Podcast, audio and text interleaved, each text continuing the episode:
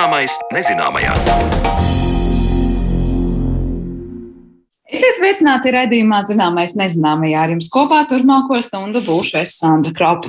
Globalizētā pasaulē ikdienas simtiem un tūkstošiem kilometru mēro ne tikai cilvēki, bet arī augi, dzīvnieki un citi organismi. Tie aizceļo tālu prom no savām dabiskajām teritorijām un dažkārt tik labi iedzīvojas jaunajos apstākļos, ka kļūst par ienaidnieku dabiskajām sugām. Kā invazīvās sugas ceļo no kontinentu uz kontinentu un ko ar šīm svežzemju kolonijām iesākt, iznītēt vai gudri sadzīvot? Par to šodien runāsim raidījumā, taču pirms tam uzzināsim, kā zoologi atšķir lāčus savā starpā. Lāču mūsu mežos savairojušies arvien vairāk, lai ķepāņus uzskaitītu un noteiktu konkrētu individu. Pētnieki veido lāču pasas, nosakot dzīvnieka ģenētisko informāciju pēc tā apmetojuma, ekskrementiem un pēdu nospiedumiem. Kā šis process notiek, par to sarunā ar lāču pētniekiem interesējās mana kolēģe Zana Lāca. Pēdējo divu gadu laikā Latvijas teritorijā ir identificēti vismaz 32 lāči, kuriem ir izstrādātas pases, vai konkrētāk šo dzīvnieku ģenētiskās noteikšanas metodes. Un pieskaitot klāt agrāk apzinātos lāčus, šobrīd Latvijas mežos klimst aptuveni 50 līdz 60 ķepāņu. Kā noteikt, kurš no viņiem ir atkārtoti apciemojis kāda bitenieka dravu, kurš mežā mājo pastāvīgi un kurš lācis te ir garām ejot? Latvijas valsts meža zinātnes institūta Silava vadošais pētnieks Jānis Ozoliņš teica, ka pēc ārējām pazīmēm lāči ir visai neizteiksmīgi radījumi. Var atšķirties to kažoka nokrāsa un zvēru izmēri, bet visdrošāk lāčus ir noteikt ar molekulāri ģenētisko metodi pēc dzīvnieka pēdu nospiedumiem, apmetojuma, siekalām un ekskrementiem. Kā to iegūst, stāsta Jānis Ozoliņš. Nu, ir tā, ka galvenā metode un visdrošākā un uzticamākā, protams, ir tas DNS saturošais paraugs. Tad eh, tā sistēma, kā mēs to DNS ievācam, viens ir caur eh, postījumiem, ja tā var teikt, izmantojot situācijas, kāds ir nodarījis postījumus. Nu, tur var būt gan ekskrementi, gan eh, ķepas nospiedums, gan dubļos, gan vaskā, diezgan bieži bišu rāmīšu vaskā, gan arī siekals, kur viņš ir to vasku un šūnas ņemājis Lācis to dara ilgi, un, ja viņi neiztraucē, viņš bišu dravā var pavadīt eh, visu nakti, vai pat vairākas naktis atgriezties. Līdz ar to nu, ir pilns klāsts, sākot no, jā, no siekalām un beidzot ar matiem, ko arī viņš tur, tur atstāja, pieķerās ielīt vaskā vai arī pie koka stumbra, kur viņš nes tos rāmīšus notiesāt. Tā kā tur ir viss. Otrs ceļš, kā mēs iegūstam DNS saturošus paraugus, ir eh, tās augtās matu lamāts. Tas nozīmē, ka kaut kādā veidā lācim vajag izraut matu tā, lai viņam nesāpētu, lai viņš pats to pat nemanītu, lai tam matam būtu arī saknīte klāta.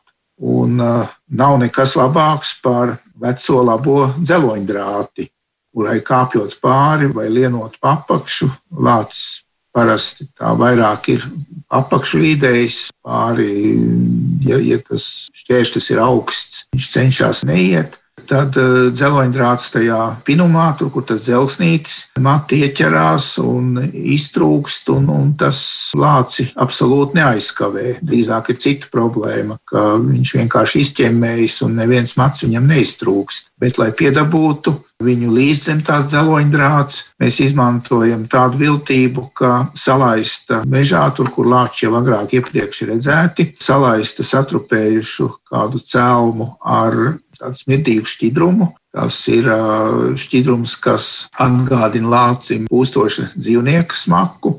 Bet nekādas atliekas, ko viņš varētu ēst, tur nav. Tikai atšķaidīts ar ūdeni, atšķaidīts šis smirdošais šķidrums. Un tad dzeloņdrāti novelk visapkārt. Parasti ar četriem vai pieciem turpat augošiem kokiem, tuvākajā apkārtnē. Un jā, lācis iekrīt gadījumi gan ir bijuši visādi. Ir arī tādi, sevišķi pēdējā laikā, ka pie tās dzeloņdrāts viņš apstājas un uh, viss ir redzams, jo mēs arī filmējam ar slēptajām kamerām, kā tas viss notiek. Nu, izskatās, ka lācis izvairās tieši no tās pašas dzeloņdrāts, jo tā smaka viņa jau tik tālu ir atvaļinājusi, bet tad, kad viņš atnāk, tad kaut kāda iemesla dēļ līdz tam celmam neaiziet. Nu, tas tieši pēdējās reizes. Nu, tāds minējums, kāpēc tas varētu notikt ka daļa biškopju, un īpaši tas ir kaimiņu valstī Igaunijā, ir sapratuši, ka visdrošākais līdzeklis, kā aizsargāt dravas no lāčiem, ir elektriskais žoks. Un, uh, tur tas strāvas dzēliens ir diezgan nepatīkams, sāpīgs. Un ļoti iespējams, ka lācim ir ļoti laba arī atmiņa, ka viņš saista tādu nostieptu drāti, stiepli ar elektrisko stiepli. Bet sakiet, kā ir ar citiem mazāk izmēra dzīvniekiem un, piemēram, ogotājiem vai sēņotājiem, vai tās eh, dzeloņa stieples nav bīstamas citiem šiem mežā gājējiem un meža iemītniekiem? Iepīties tur noteikti nevar, jo mēs tās uzstādīšanas, nu, kas attiecas uz ogotājiem, sēņotiem, mēs saskaņojam ar meža īpašnieku. Nu, valsts mežā tas, protams, nav katrs ogotājs sēņotājs, bet mums ir bijuši arī amats izlikts privātajos mežos, tad mēs saskaņojam, bet viņas ir pamanāmas. Un, kas attiecas uz citiem dzīvniekiem, tad eh, neviens tur iepīties tiešām nevar bet tur jenots suņi, meža cūkas, lapsas, caunas, visi zvēriņi, kuriem interesē šādi pūstoši dzīvnieki, pareizāk sakot, viņu smaka, arī nāk uz celmu un tur aposta vai daži arī parakās pa tiem prauliem. Tāpēc mums ir uzstādītas kameras, un ja mēs skaidri redzam, ka tur nav bijis lācis, bet kāds cits dzīvnieks, nu tad arī tie mati netiek vākti. Kaut gan nu, jau mēs esam arī vizuāli iemanījušies atšķirt, kādu kuram dzīvniekam izskatās. Ievāktos lāču matu paraugus laboratorijā analizē Jāņa Ozoliņa kolēģis, Latvijas valsts meža zinātnes institūta Silava vadošais pētnieks, molekulāra ģenētiķis Dainis Edgars Ruņģis. Viņam attālinātā sarunā jautāju, kādus ģenētiskos parametrus no šāda materiāla var iegūt un kā tas palīdz pētniekiem saprast, kurš ķepainis ir kurš. Pirmais mērķis ir individu identifikācija. Tas process notiek tā, ka paraugs eh, tiek ievākts un saņemts eh, laboratorijā. Tad mēs izdalām DNS, un teiksim, DNS kvalitāte, nu, izdalīšanas sekmes un tā iegūtā DNS kvalitāte ir atkarīgs no tā parauga. Cik daudz tās nu, DNS tajā sākotnējā paraugā ir, cik ilgi viņš ir bijis eh, mežā. Teiksim, vai viņš ir pakauts no saules stariem, vai viņš ir izžuvis, vai viņš ir izmirts un tā tālāk. Bet eh, nu, izdalām DNS Un tad mēs izmantojam ģenētiskos marķierus, iegūt to saucamo ģenētisko pasi, ar ko mēs varam identificēt individu. Un tad salīdzinot šos profilus no dažādiem paraugiem, ja, ja tas profils pilnībā sakrīt, tad mēs varam secināt, ka tas noteikti ir viens un tas pats indivīds. Ja viņi atšķirās, tad mēs varam secināt, ka tie ir atšķirīgi indivīdi. Mēs pašreiz izmantojam līdz 14 dažādiem marķieriem. Teiksim, ja, ja visi tie 14 sanāk un, un sakrīt, tad mēs varam būt eh, teiksim, ļoti droši, ka tas ir, ir viens un tas pats indivīds. Papildus mēs arī varam noteikt uh, dzimumu. Tas, ko mēs esam, mēs esam savākuši pietiekami lielu šo ģenētisko datu bāzi un ģenētisko individu profilus, tad mēs varam arī veikt papildus analīzes, kas nav tikai individu identificēšana, bet tad varam secināt ģenētisko daudzveidību tajā populācijā un, un arī radniecību. Tad mēs varam no tiem profiliem salikt kopā un tad varbūt atšifrēt, vai tur ir kaut kādi lāču individi, kas ir no vienas ģimenes, piemēram, mātīte un pēcnācēji vai tam līdzīgi, vai, vai brālis un māsa. Vērtējot, kuras tā teikt lāču atliekas ir derīgākās šo dzīvnieku identitātes noteikšanai, Dainis Edgars Runģis teica, ka tie ir lāču ekskrementi. No eksperimentiem bija vislabākie rādītāji, ir procentuāli tie rezultāti. Pirmkārt, jo, kā jau minēju, tas ir atkarīgs no cik ilgi tas paraugs ir atradies mežā, dabā, un, un jo ilgāk viņš atrodas dabā, tad, tad tas DNS sāk degradēties. pēc tiem ekskrementiem, tad, cik es saprotu no tiem vācējiem, kad ir, ir samērā viegli identificējams, turpretī ar matiem nevienmēr ir, ir 100% pēc izskata noteikt, vai tas ir lāču mati vai, vai kaut kāda cita sugas spalvas. Un, un līdzīgi arī tām siekalām. Nu, tā kā skatāmies pēc bišu, tiem bišu stropu rāmīšiem, tur, kur mēs varam redzēt, kur ir kaut kādi zobu nospiedumi, bet tad arī, nu, vai mums tur trāpās ar to vatas trāpīt tieši tās DNS saturošās šūnas, tad tas, tas ir tāds, nu, loterija, teiksim, ekskrementā tādā ziņā ir, ir drošāk. Pirmkārt, ka tas ir no lāča, un otrkārt, ka mēs ievācam kaut kādus DNS saturošu materiālu. Kā jau sākumā minēju, Latvijas mežos no Krievijas un Igaunijas ienāk aizvien vairāk lāču, un dzīvnieka identitāte un to skaita noteikšana ir šie būtiskie rādītāji, kas palīdz orientēties pētniekiem. To arī apstiprina Jānis Ozoliņš. Iespējams, arī aprēķināt dzīvnieku skaitu daudz precīzāk, ja daļa no viņiem ir iezīmēta, un pēc tam noteiktās vietās veidojas proporcija, jo, jo dzīvnieki atgriežas.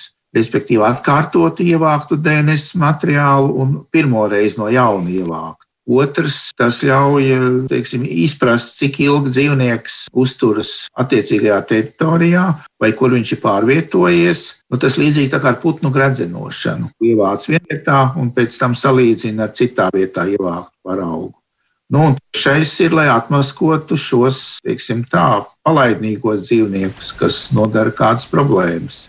Kā tas ir ar lāčiem, draupostītājiem, Lāču pētniekiem arī noder ziņojumi ne tikai par to, ka kāds ogotājs, sēņotājs vai vienkārši mežā gājējs ir manījis lāci, bet ja cilvēks ir atpazinis šī dzīvnieka ķepas nospiedumu vai ekskrementu, tad par saviem novērojumiem var informēt lāču pētniekus, ziņojot uz ēpastu lāču monitorings at gmail.com vai institūta Silava interneta mājaslapā, atrodot minēto pētnieku tālruņa numurus un piezvanot, informēt par koordinātēm un lāču eksistences atradumiem. Par to, ar kādām metodēm tiek noteikta lāču identitāte mūsu mežos, stāstīja Latvijas valsts mežzinātnes institūta Silava vadošie pētnieki Jānis Ozoliņš un Dainis Edgars Runģis, bet redzījuma turpinājumā mēs dzīsim pēdas invazīvajām sugām Latvijā.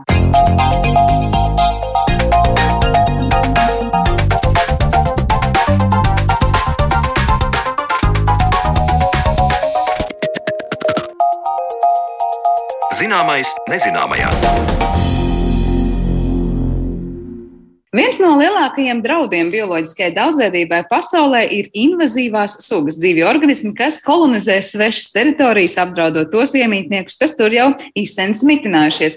Savā ziņā pasaulē daudz viet ir, ja tā var teikt, kara stāvoklis starp vietējām un ienākušām sugām, un lielā mērā šīs situācijas radītāji esam arī mēs cilvēki. Kāpēc par to tūdaļ mēs runāsim ar mūsu šīs dienas viesiem, jo šodien mūsu attālinātajā studijā esam aicinājuši Latvijas Hidroekoloģijas institūta vadošo pētnieku Solvitu Strāķi, kā arī dabas aizsardzības pārvaldes LIFE projekta Latvija Nature ekspertu Jākabu Dzeni. Labdien jums abiem! Labdien! Pēcēc. Mēs ik pa laikam runājam par svešām sugām, ienācēju sugām un invazīvajām sugām, parasti liekot vienādības zīmes starp visiem šiem vārdiem, bet tad vienkārši runājot, es saku, šodien mēs runāsim par tām sugām, kas tātad ienākot nodara vietējām kādu kaitējumu, ja proti par šīm, par šīm invazīvajām. Es saprotu, jūs abi mājat ar galvu, tātad visas, kā saka, definīcijas ir saprastas pareizi, bet ja mēs runājam par tādiem nu, izteiktākajiem piemēriem, mēs eh, parasti sakam tur Latvānis vai nu, jau la, apaļais jūras grunduls, ja mēs runājam par par jūras organismiem bieži tiek piesaukts arī jenatsuns un Amerikas signālu vēzis. Nu, tiešām daudzas invazīvās sugas jau ir zināmas Latvijā, kuras šķiet kādreiz varbūt kāds no mums ir dzirdējis, bet varbūt par tām vienalga mums ir jāuzzina kaut kas noteikti vairāk. Jautāšu jums par to, vai mēs tiešām varam teikt, nu šīs ir tās agresīvās un tās sugas, kas būtu tāda tā kā vēstneši tam, kā dabā nebūtu jā, jā, jā, jānotiek. Proti, kad ienāk pie mums tāds latvānis vai, vai apaļais jūras grunduls un pēkšņi kļūst par Latvijas dabas ainavas sastāvdaļu. Kā jūs raugāties uz šīm ienākušajām svešajām sugām, kā tādiem ienaidniekiem, no kuriem jātiek vaļā, vai kā tāds nu, dabiska procesa, ka tā vienkārši notiek? Uh, Solvits, sākšu varbūt ar tevi.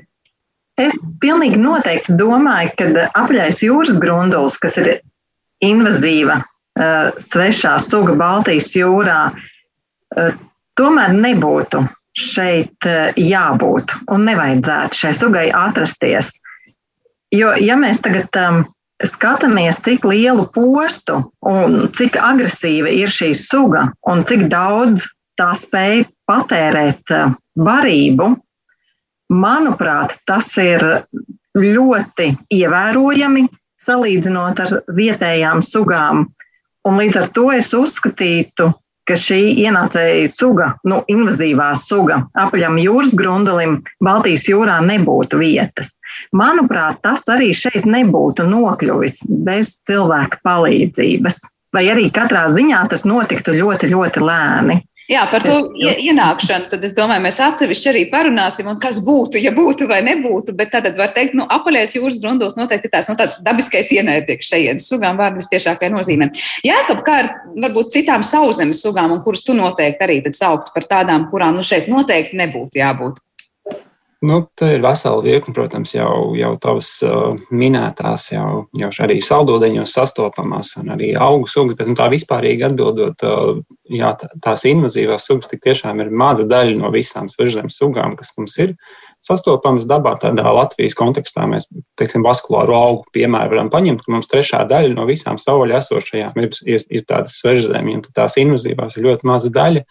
Un, uh, un tieši tas uh, daļa no tiem spilgtajiem piemēriem, kas jau ir ilgstāk, ilgāk, kaut vai tas pats uh, uh, Latvijas, tur puķis, sprigāni un tādi augi, viņi jau mums labi parāda, uh, vai dzīvnieku gadījumā vēži, ka uh, varbūt mums kādā īsā brīdī liekas, ka varētu būt uh, izdevīgi vai, vai kāds pienesums no šīs sugas, bet ilgtermiņā tas atspēlējās daudz dramatiskāk. Līdz ar to uh, Noteikti šīs ir tās sugas, pat ja viņiem mēs pieņemam daudzas, runājuši vēl ar vienu tādas, ar kurām mēs varam spilgt parādīt to, to, to piemēru, kas var notikt, ja mēs neapdomīgi rīkojamies arī ar daudzām citām.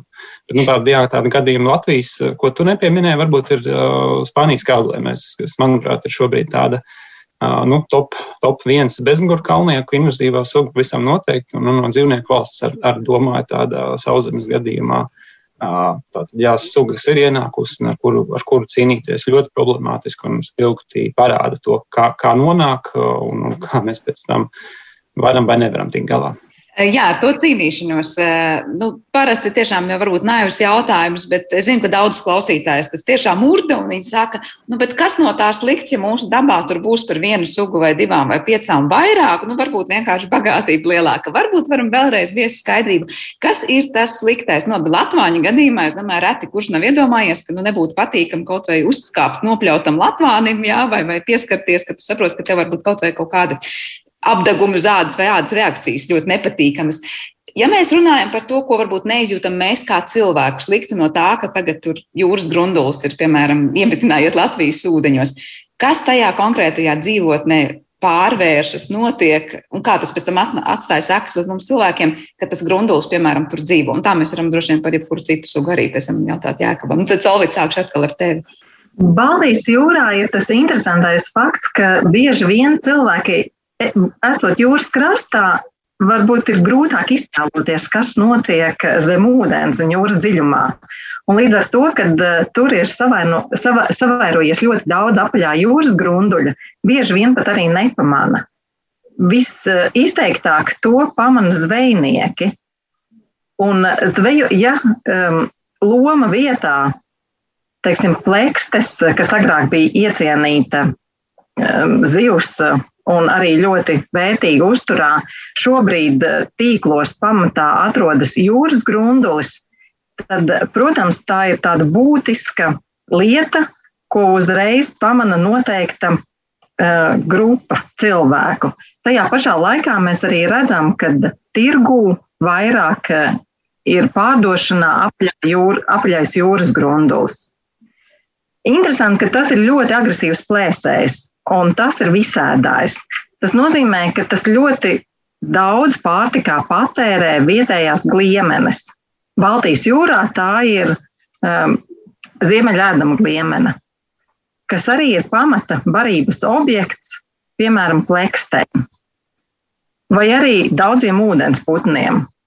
ja agrāk ūdensputniem un, un zivīm varbūt šīs gliemenes bija pietiekami lielā skaitā, tad tagad ienākot šim te agresīvākam plēsējam, visiem ir jāsadala šie esošie barības objekti uz daudz vairāk ēdājiem.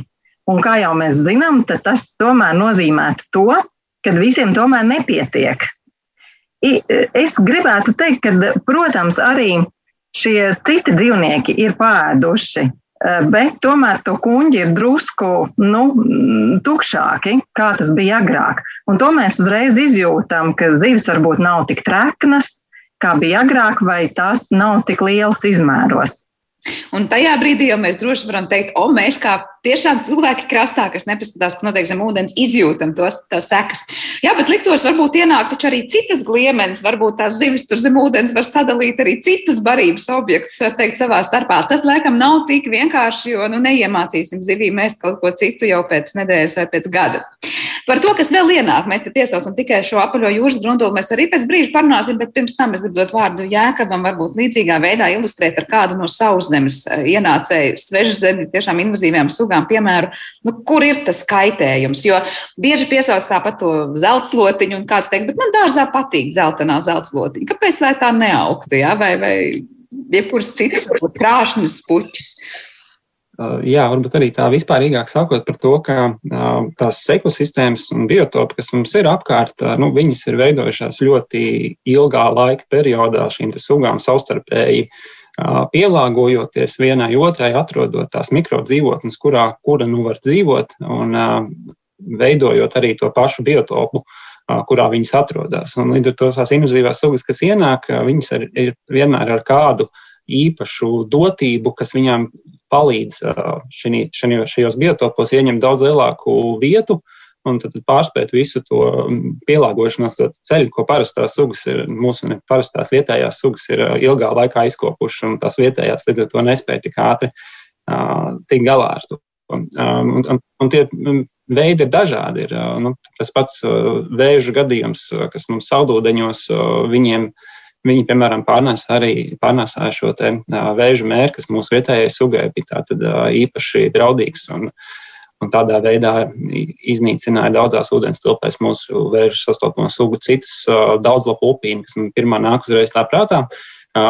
Tāds augs, kuru pirms jāņiem liekam jāņu šajos te, nu negluži vainagos, bet nu puķu podos noteikti. Daudz arī speciāli roku un ved vēl sev pie mājām audzēt, bet ko tā suga nodara? Viņa ārkārtīgi labi piesaista šādu šo atmosfēras slāpekli un to akumulē savā, savās lapās, savās zem, zem, zemesēdzes daļās, saknēs. Tātad.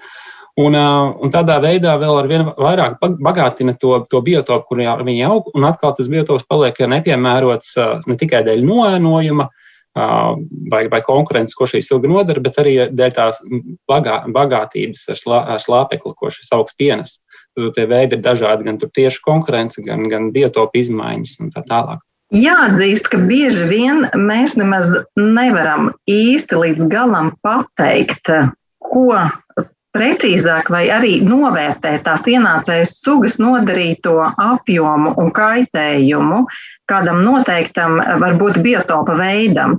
Es pilnībā piekrītu, ka mums ir Baltijas jūrā jau drīz būs zināms ap 200 dažādu svešo sugu, bet eh, ļoti liela daļa no tām mierīgi sadzīvo ar eh, jau sen zināmām vietējām raksturīgām sugām, un līdz ar to tādu varbūt tādu ļoti redzamu būtisku kaitējumu nenodara.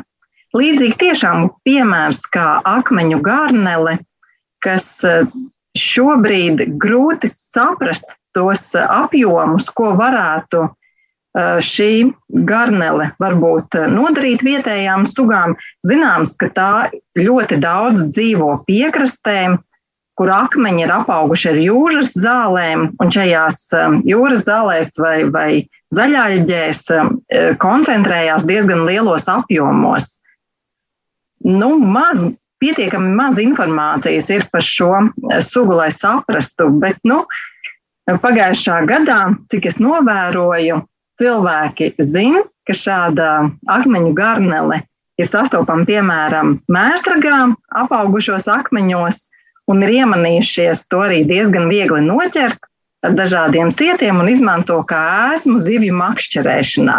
Līdz ar to es, protams, tikai atbalstu, ja šīs ienācējas sugas vai, vai invazīvās sugas var izmantot kaut kādam citam mērķim, manuprāt, tā ir ļoti laba eh, praksa.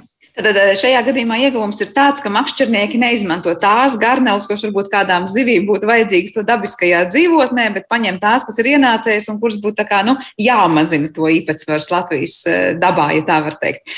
Bet tas ir tāds nu, veiksmes stāsts. Kā vispār ir ar šo invazīvo sugu izmantošanu dažādiem mērķiem?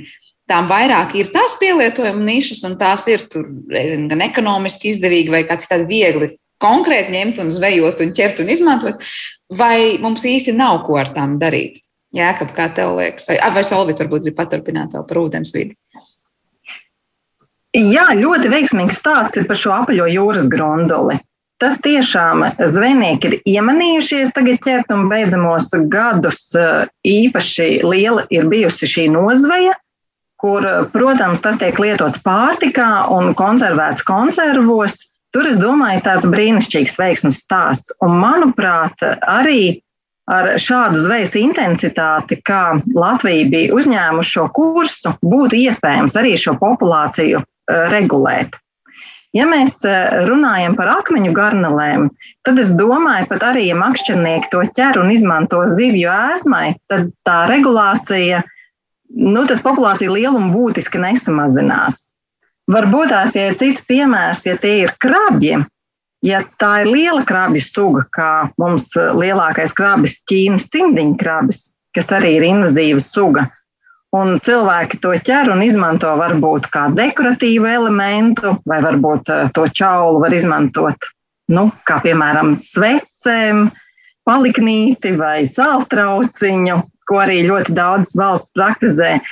Tad es domāju, ka tas eh, nu, drīzāk varbūt tās tādiem atpūtniekiem un tādiem maziem veikliņiem, piejūras veikliņiem tas būtu kā izmantojams. Es atbalstītu, ja būtu iespējams jā, no šīm sugām radīt sev ekonomisku, varbūt labumu.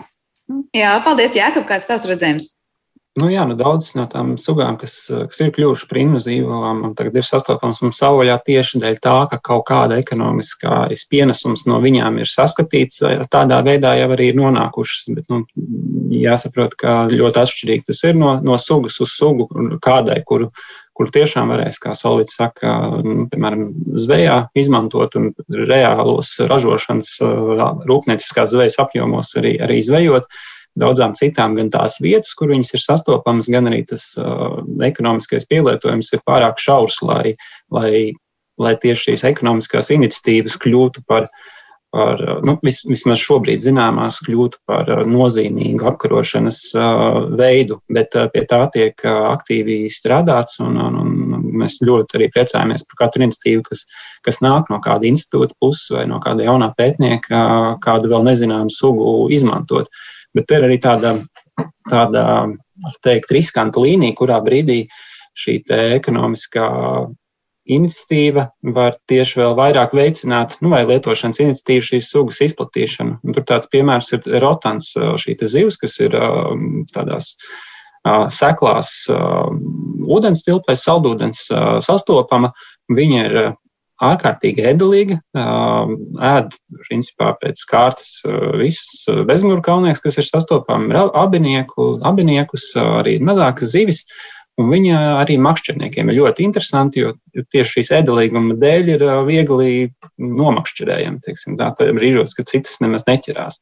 Un tāds arī tieši nesen sanāca ar, ar lietuviešu un igauņu kolēģiem runāt arī par, šos, par šo sugu. Tad tajos gadījumos, kur viņi mēģina šos te, uh, ūdens tilpēs iznīcināt, tur, tur nākas apmēram vienoties ar makšķerniekiem, lai nu, vienu šādu slēgtu. Uh, nu, cik nu šī ūdens tilpa var būt slēgta no apkārtējās vidas, atstāt arī makšķernieku vajadzībām. To, tas ir tas, kas var, var, var mēs noteikti veicinām to, lai, lai šīs sugas izmantotu. Nedzīvā veidā, protams, bet jārēķinās, ka tas vienlaikus var radīt risku, kā ar vien vairāk viņas arī izplatīt un izmantot. Bet kā ar to neekonomisko varbūt ieguvumu? Esmu dzirdējis tas vairāk gan par dažādiem augiem, kokiem runājot, ka, nu, piemēram, vecas kaut kādas izgāstuves, uz kurām mēs nekultivēsim kaut ko tur, kā saka, pārtikai lietojamu, audzēsim, lai vienkārši vai nu attīrītu to augsni, vai, vai vispār pilsētu vidē vairot, kā saka, labāku gaisa kvalitāti uzlabot. Ir tas kā virziens, kā izmantot šādas ātri augošas, varbūt viegli iedzīvināmas augu sugas, lai veiktu kaut kādu augsnes attīrīšanu, piemēram, kaut kādās jau piesārņotās teritorijās. Jā, nu šis process fitoremediācija saucās, jā, kad ir šie augi, kuri, kuri kuriem ir īpaši piesaista kādu nu, teiksim, smagos metālus vai, vai kādu citu piesārņojumu veidu, ātri veido šo biomasu un pēc tam tā tad, tiek tādā veidā attīrīta kāda piesārņota vieta. Tas, tas tiek pasaulē izmantots ar invazīvās sugas. Ir atsevišķas, kam būtu pielietojums, bet te atkal ir ļoti jāvērtē, kāda tai, kāda, kā šī suga izplatās un cik tas pasākums beig beigās ir kontrolējams. Uh, ir tādas, protams, kurām, kurām to tieš, tiešām varētu izdarīt, kuras teiksim, izplatās vairāk ar kaut kādām veģetatīvām, veģetatīvā veidā, tad ar kādām augu daļām vai, vai, vai sakņu sistēmu, tad būtu iespējams tādā lokālā teritorijā ierobežot. Citām, kurām ir daudz lielākas un labākas izplatīšanās spējas, vai tur, teiksim, ir kāda oga, ko dzīvnieki pārnēsā vai, vai, vai, vai ar sēklām. Un, uh, tad tas ir ārkārtīgi liels risks. Līdz ar to uh, šī, skat, uh, virzienā skatās, bet nu, drošākais ir vēl vien tomēr neinvazīvās sugas izmantot. Jā. Mēs strauji pietuvojamies par to izplatību, lai parunātu, bet pirms pievēršamies šim aspektam, vēl gribēju arī varbūt no Solvītas tevis dzirdēt tādas redzējumu, nu, tas, ko tikko Jākaps arī iezīmēja, ir tāda jauna tendence domāt, nu, ko ar tām ienācēju svešajām invazīvajām sugām darīt, uh, lai kaut kādā veidā tās gudri izmantotu, Nevis vienkārši teikt, mēs tikai cenšamies tās nepieļaut, lai tās ienāk, un mums tās ir jāizskauž. Ir mm, jūtams kaut kādas tendences, nu, ka mainās varbūt tā, tā domāšana par to, ko, ko tad darīt ar tām ienācēju sugām, ka viņas gudri varbūt jāapsaimnieko. Kopumā Man gan jāatzīst, ka Latvijas kontekstā es varbūt neesmu tā dzirdējusi tieši par šo, bet tur drīzāk es pieļauju to, ka saistībā ar jūras sugām tās varbūt ir grūti iegūstamas. Vai arī, ja tie krabi ir atrasti, tad tie ir ļoti mazā skaitā. Un iespējams, kādam privātam uzņēmējam, piemēram, ja, viņ, ja viņš vēlētos ražot varbūt sveču paliknīti no krabju čaulas vai kaut ko tam līdzīgu, nebūtu prognozējams, cik daudz šos dzīvniekus eh, varētu iegūt. Bet kopumā es esmu redzējis, ka šāda tendence ir piemēram pie vidusjūras um, vai arī citās eh, pasaules vietās, kur eh, kaut kāds dzīvnieku populācijas jau apjoms ir tik pietiekami liels, ka šos īpaņus var ļoti viegli, ātri noķert un tie sastopami lielā daudzumā. Bet, piemēram, nu, ir pamats domāt, ka varētu kaut kādus filtrētāju organismus, kas ir ienākuši, ielikt kaut kādā vidē, kur, teiksim, o, mums tur ir ļoti labi, lai uzlabo ūdens kvalitāti, nu, lai strādāja, lai attīra ūdeni. Vai ir kaut kādas tādas idejas, nevis tikai apēst vai izmantot kā ekonomiski kaut kādam priekšmetam, ja, bet eh, tīri varbūt tā, līdzīgi kā mēs runājam par to augsnes attīrīšanu. Nu, tur savi riski, bet teorētiski iespējams. Jā, principā tādas idejas ir. Jo šo aspektu noteikti tiek skatīti tad, ja jūrā plāno audzēt akvakultūru, piemēram, zivju akvakultūru, kas noteikti arī var būt tās nebūtu kāda vietējā zivs, bet svešās zivs. Un tad apkārt ir plānots izlikt, piemēram, gliemeņu tīklus. Un tā varētu pat būt arī tiešām invazīvā vai svešā gliemene, par ko šobrīd tiek runāts arī citās valstīs kas eh, var būt efektīvāk un ātrāk izfiltrētu radīto piesārņojumu no zivju akvakultūras. Tas gan būtu iespējams. Līdz ar to tas būtu tāds ekonomisks labums, kas attīrītu gan ūdeni no organiskajām vielām un radītu varbūt pievienoto vērtību, kur pēc tam šīs eh, gliemenes varētu izmantot biogāzes ražošanai. Jā, tā kā mm, skats ir daudz plašāks varbūt pēdējos gados nekā pirms daudzām desmit gadiem, ja mēs varbūt runājam, ko varēja darīt ar šīm sugām. Bet es saprotu, Jākam, tu esi iesaisties kādā projektā tieši laikam par ģenotsuni. Tur bija stāsts, kā mēģina izskaust uh, sugu, kurai nu īsti nebūtu jābūt Latvijā konkrētai. Vai tu vari pastāstīt nedaudz vairāk, kā tas notiek un kāds no tā ir tas iegūms un kāds zaudējums potenciālais? Um, jā, nu te tā arī atbildot uh, par to, ko tikko minēji par, uh, par tiem izmantošanas uh, veidiem, vai gudrāk vai negudrāk palicis, es, es īstenībā netik, tik ļoti nepiekrīstu, ka ir milzīgas pārmaiņas arī. Tas jau, jau ilgstoši mēs saprotam, ka invazīvās sugas ir ārkārtīgi būtiska problēma bioloģiskajai daudzveidībai, no izplatīšanās ātrumi Un tas sugu skaits plus uh, klimata pārmaiņas uh, noved pie situācijas, kurā mūsu resursi ir ierobežoti pret, uh, nu, lai mēs tiešām visu izskaust. Līdz ar to mēs liekam prioritātes, kuru sugu, kurā vietā ir svarīgi izskaust un kādā veidā, un papildus ar motivējošie šie veidi pētot, ko tad no tās sugas var iegūt, kas, kas varētu motivēt kādu no privāto vai, vai kā ie, ie, iesaistīties.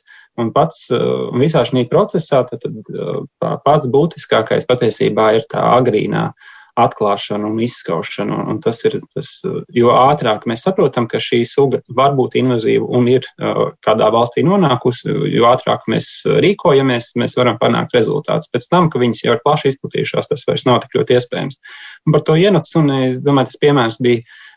Teiksim, Latvijas gadījumā mēs samilošu precīzi tūkstoši pasakot, bet nu, tas aptuveni no, no 4 līdz 6 tūkstoši man šķiet bija tās robežas, cik mēs gadā nomedījam jenotsuņus. Nu, tas ir ārkārtīgi liels lielums, daudzums mums suga ir plaši izplatīta. Domāt, ka mēs varam izskaust, tas nav iespējams. Tāpat laikā citās valstīs, pat, pat tūmā esošas, piemēram, Somijas ziemeļdaļa, Zviedrijas ziemeļdaļa, kur tās blīvums ir ārkārtīgi mazāks, tur var izmantot citas metodas un citus jau resursus. Viņi, piemēram, izmanto tādus saucamos jūda dzīvniekus, ka, ar kuru palīdzību var atrast, kur tas ienāc un savvaļā ir. Un, un tos pāris arī pāris pirmos īpaņus, kuri varētu izveidot lielāku populāciju ar laiku, tādā veidā ātri atrast un izņemt no dabas. Bet var pastāstīt, kā notiek tā atrašana. Es saprotu, tur ir raidītājs jau esošam jenapsunim, kurš skrien meklēt, kā saka, lai pārotos citu jenapsunu un tad atrod abus, ja tā vienkārši var teikt. Tieši, tieši tā, tā tad tiek izmantot gan, gan tēviņi, gan, gan mātītes, kas ir nebrīvē, nu, tādā, teiksim, kā līgas dabas taks. Varam iedomāties tādos apstākļos turētu, nevis, nevis, nevis pilnīgā krātiņā. Tad tiek aprīkota raidītāji, ir sterilizēti, lai viņi nespētu vairoties, bet vienlaikus šis dzīnulis vēl ar vienu viņos ir. Un tad viņi tātad tiek izlaisti savvaļā reģionā, kur ir zināms, ka, atrod, ka arī šie invazīvie ienācumi ir. Un tad pēc sekojot šiem raidītāju nu, aktivitātei, mēs varam, varam secināt, kurā brīdī tie klejojumi paliek mazāk, koncentrējas ap kādu vietu, un tā ir tā, kurā ir jāiet meklēt šis savvaļā esošais izņemamais īpatnes invazīvais. Jā, diezgan no vienas puses tāda skarba metode, vai ne? Tā kā apmānīt, piemānīt un, un, un izķert, bet uh, es saprotu, mēs šobrīd šeit runājam par nu, tādiem lieliem procesiem dabā, kas notiek kopsakarībās, kurā brīdī šis uh, viens varbūt īpatnes nodara daudz lielāku ļaunumu paliekot dabā nekā nepaliekot. Skarbi, bet realitāte, bet uh, beidzot mēs esam nonākuši pie tā jautājuma, kā tad tās ienācējas sugas pie mums ir nokļuvušas, un sarunas sākumā es pieminēju šo tad, tad cilvēku aspektu, kā ir vairāk tās tiešām lielajā vairumā gadījumu ir cilvēki cilvēka darbības atvešanas sekas, vai tas ir kaut kāds neizbēgams process dabā, kas notiek? Uh, nu, ja ar savu, savu zemi sākšu, Jākab, ar tevi. Uh, nu, lielākā, nu, tieši sauszemes gadījumā, jā, tad lielākā daļa tomēr ir apzināti. Uh, tas ir bijis, un ceļš, ja vēl skatāmies tās sugas, kuras mēs šobrīd no sauszemes ap kādām uh, 40 līdz 50, atkarībā no eksperta vērtējuma vērtējam, kā ar invazīvu uh, kā invazīvas, tad lielākā daļa ir bijušas apzināti vai kā krāšņuma augi ievesti, vai, vai tas pat latvāns kā lobarība, vai, vai kādai biomasas ražošanai un tā. Tie paši dzīvnieki, kas ienac un ko mēs pieminējām, tas tika ievests kažo kādu patnē audzēšanai, kā mēs zinām, ūdens, kurus audzē šajos slēgtajā vidē, ienācums Latvijas dabā izlaists dabā ar mēķi, viņi pēc tam medīt arī tieši kažo kādu ieguvēju. Līdz ar to pilnīgi šiem vecajiem gadījumiem, sugām, kas ir ilgi, mēs lielākoties redzam, ka tā ir tāda apzināta. Nu, ar, ar jaunajām sugām, kas ienāk, tur varbūt ir vairāk jau tas neapzināts, varbūt sākotnēji neapzinātais vai nesaprašanas. Piemēram, tas pats Spānijas kaiglē, mēs to mēs esam ieveduši Latvijā ar kā augsnes kopā ar augstu ievedot stādu materiālu. Tad pilnīgi nezinot, ka mums tur ir šīs sēkliņas, iestādot šo stādu savā dārzā. Cita tāda suga, kas arī aktuāli ir sarkanās bruņuruputs, to savukārt mēs esam ieveduši apzināti kā mājdzīvnieku. Diemžēl ne visi mājdzīvnieku īpašnieki ir bijuši gan atbildīgi un ir izlaiduši savvaļā. Un, kā, bet sākotnējā nav bijusi gluži apzināta ieviešana. Ir pamats domāt, ka arī, nu, piemēram, par tiem gliemežiem runājot, kaut kādas attīstības stadijas mēs ievedam, piemēram, nu, ar kaut kādiem kāpostiem vai, nezinu, salātiem un vēl kaut ko, un pēc tam izmetot kaut kur komposta kaudzē, varbūt vai kur citur, ka ir tajās tātad, nu, lapās vai pa vidu kaut kur kaut kādi, es nezinu, attīstības stadijas īpaņi, kas pēc tam nonāk un iedzīvojas, vai tas nav viens no izplatības ceļiem? Jā, tas, protams, arī ir eh, ar dažādiem. Gan, ar, gan tas var būt ar pārtiks produktu, gan patiesībā mēs pašam Spānijas kaglē mēs zinām augstu, tā manis minēta augsts, un tas ir tas galvenais veids, kā ievada. Pats pati pirmais gadījums uh, tiek, tiek vērtēts, ka tas bija kopā ar tieši ar koksnes uh, kravu. Līdz ar to, ar kādu tieši produktu vai substrātu mēs ievedīsim, šīs sugas ir, uh, nu, tas ir no atkarīgs jā, no, no sugas skaits, ka ienusuni mēs ar augstu neievedīsim. Bet, Jā, bet, bet ja augus, gan... mazāks bezgumkalnieks, jā, lielāks risks. Solvita, runājot par jūras organismiem, es zinu, ka pēdējā laikā arī pati bija iesaistījusies tādā starptautiskā projektā, kur pētījāt, kas notiek uz jahtu un dažādu kuģu apaugumiem un balastu ūdeni jau lielākiem kuģiem, ja mēs par tirdzniecības kuģiem runājam. Ko tur mēs cik lielā mērā esam atveduši un cik tas ir kontrolējams? Saistībā ar tādu ļoti mētiecīgu jaunu sugu introducēšanu, nu, kā tas var būt, tās varētu būt uz sauszemes, kā tikko tika minēts. Baltijas jūrā tas drīzāk notika, eh, teiktu, pagājušā gadsimta 60. un 70. gados, kad ļoti mētiecīgi tika nu, mēģināts audzēt eh, zivis akvakultūrā, kuras arī, paldies Dievam, varbūt Baltijas jūrā nemaz tik daudz neiedzīvojās. Bet eh, tik tiešām visbiežāk un pamatā Baltijas jūrā sugas atnāk ar kuģiem, jahtām, vai tas ir ar balastūdeņiem, vai arī ar korpusu apaugumiem. Un šis ir aspekts, kad, protams, cilvēki nezina, kādas sugas viņi ir atveduši. Eh, protams, lietojot šos te varbūt pretapauguma krāsas vai balas ūdeņa attīrīšanas iekārtas, daļu no sugām ir iespējams iznīdēt. Un līdz ar to mazināt šo te ieviešanu. Bet tomēr, uh, protams, tas nenotiek tā pilnībā simtprocentīgi. Uh, un līdz ar to ir pietiekami vēl daudz iespēju šīm sugām uz šejieni atnākt. Tā kā tirzniecības, eh, šis eh, kuģi, jahtas, eh, dažādi veidi pēdlīdzekļi, tas ir galvenais transporta ceļš sugām nonākt Baltijas jūrā. Bet es saprotu, šobrīd pie tā tiek strādāts, un, lai kaut ko darītu un mainītu, vai tās krāsu izmaiņas, vai tīrīšanas veids un vieta ir pamats domāt, ka palīdzēs apturēt vai mazināt to ātrumu, kādā tas notiek? Jā, tas ir ļoti būtiski. It īpaši tīrīšanas vieta, Jo bieži vien ir tā, ka eh, lielos tirzniecības kuģus, lai ekonomētu resursus, tīra ostās ar zemūdens nirējiem. Un ik viens, eh, viss šis tīrīšanas veids ir tāds, ka eh, visi kuģa apaugumi, protams, tiešā veidā uzreiz nonāk uz grunts. Tad, kad tie nonāk tur, tad ir ļoti liela iespēja, ka sugām ir iespēja varbūt izdzīvot, jo tur tās nonāk tādā lielā koncentrācijā. Ja kuģi, tirzniecības kuģi tiek tīrīti sausajos dokos, tad lūk, šie apaugumi nenonāk vairs jūras vidē, bet tos iespējams savākās saimniecības atkritumus. Un līdzīgi arī būtu jahtām, ka būtiski ir tās tīrīt tātad sauszemē un saimnieciskos atkritumus apsaimniekot saskaņā ar, ar, ar plānu un nevis nu, novadīt atpakaļ jūrā vai iemest, bet tomēr nepieļaut šo nokļūšanu, kas satur dažādas potenciālas svežzem vai invazīvās sugas, eh, lai piesārņotu šo ostas teritoriju. Jā, laikam lielākā atšķirība tajā, ka mēs vienmēr gaidām, ka tas ienācējs būs kaut kas liels, redzams un spilgts un pamanāms, bet ļoti bieži tiešām tādā notīrītā šķirtumā no, tās apauguma varbūt eh, koncentrācijas nenojaušam, ka ielaižam atpakaļ jūrā vai, vai kur citur ūdenī sugas, kas tur pēc tam veiksmīgi uzsāk to savu dzīvi.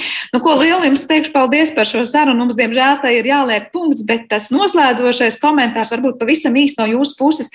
Kā būtu, nu, mēs teiktu, ja mēs neko nedarīsim un nekontrolēsim to sugu ienākšanu vienalga sauszemē vai jūrā, mēs, mēs varam ievērojami mazināt to tempu, tad varam teikt, nu, dabiskos apstākļos, ja pat kāds atnāks, tas būs retāk, lēnāk un diez vai iedzīvosies, un tur būs pienesums. Vai jūs esat tādi negatīvi un pesimistiski noskaņot un pateiksim, nu, ka mēs tur īsti neko vairs nevaram darīt? Varbūt tiešām dažos vārdos jūs katru komentāru solvīt tavs redzējums. Manuprāt, pilnīgi noteikti mums ir jādara, un īpaši svarīgi ir šie preventīvie pasākumi. Jau jāparedz, ka potenciāli kāda suga varētu ienākt. Iespējams, ka nu, sugas ienāks vēl arī Baltijas jūrā, bet ja mēs pie tā strādāsim, tās ienāks daudz, daudz lēnākā tempā un daudz mazākā skaitā. Un, manuprāt, tas ir ļoti būtiski. Jā, paldies, Jākab! Jā, es noteikti varu tikai pievienoties par, preve, par prevenciju. Tas ir ārkārtīgi svarīgi saprast. Un tas tā starptautiskā sadarbība arī ļoti labi nodara tieši invazīvo sugu gadījumā, ka mēs jau zinām līdzīgās valstīs vai, vai valstīs, kur klimata apstākļi tādi, kā mēs modelējam sev nākotnē, kuras sugas rada problēmas, tām strādājam uz robežām un uz tirzniecību.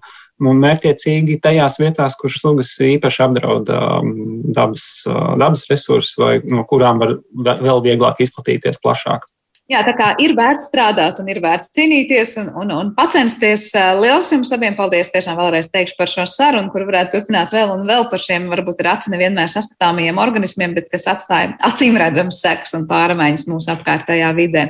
Latvijas Hidrokoloģijas institūta vadošā pētniece Olvita Strāķa un dabas aizsardzības pārvaldes LIFE projekta Latvija Nature eksperts Jākaps Dzenis šodien viesojās mūsu attālinātajā studijā. Paldies teikšu arī raidījuma producentei Paulai Gulbinskai un mūzikas redaktoram Girtam Bišam tiešām mēs ar jums tiekamies jau atkal rīt. Visu labu!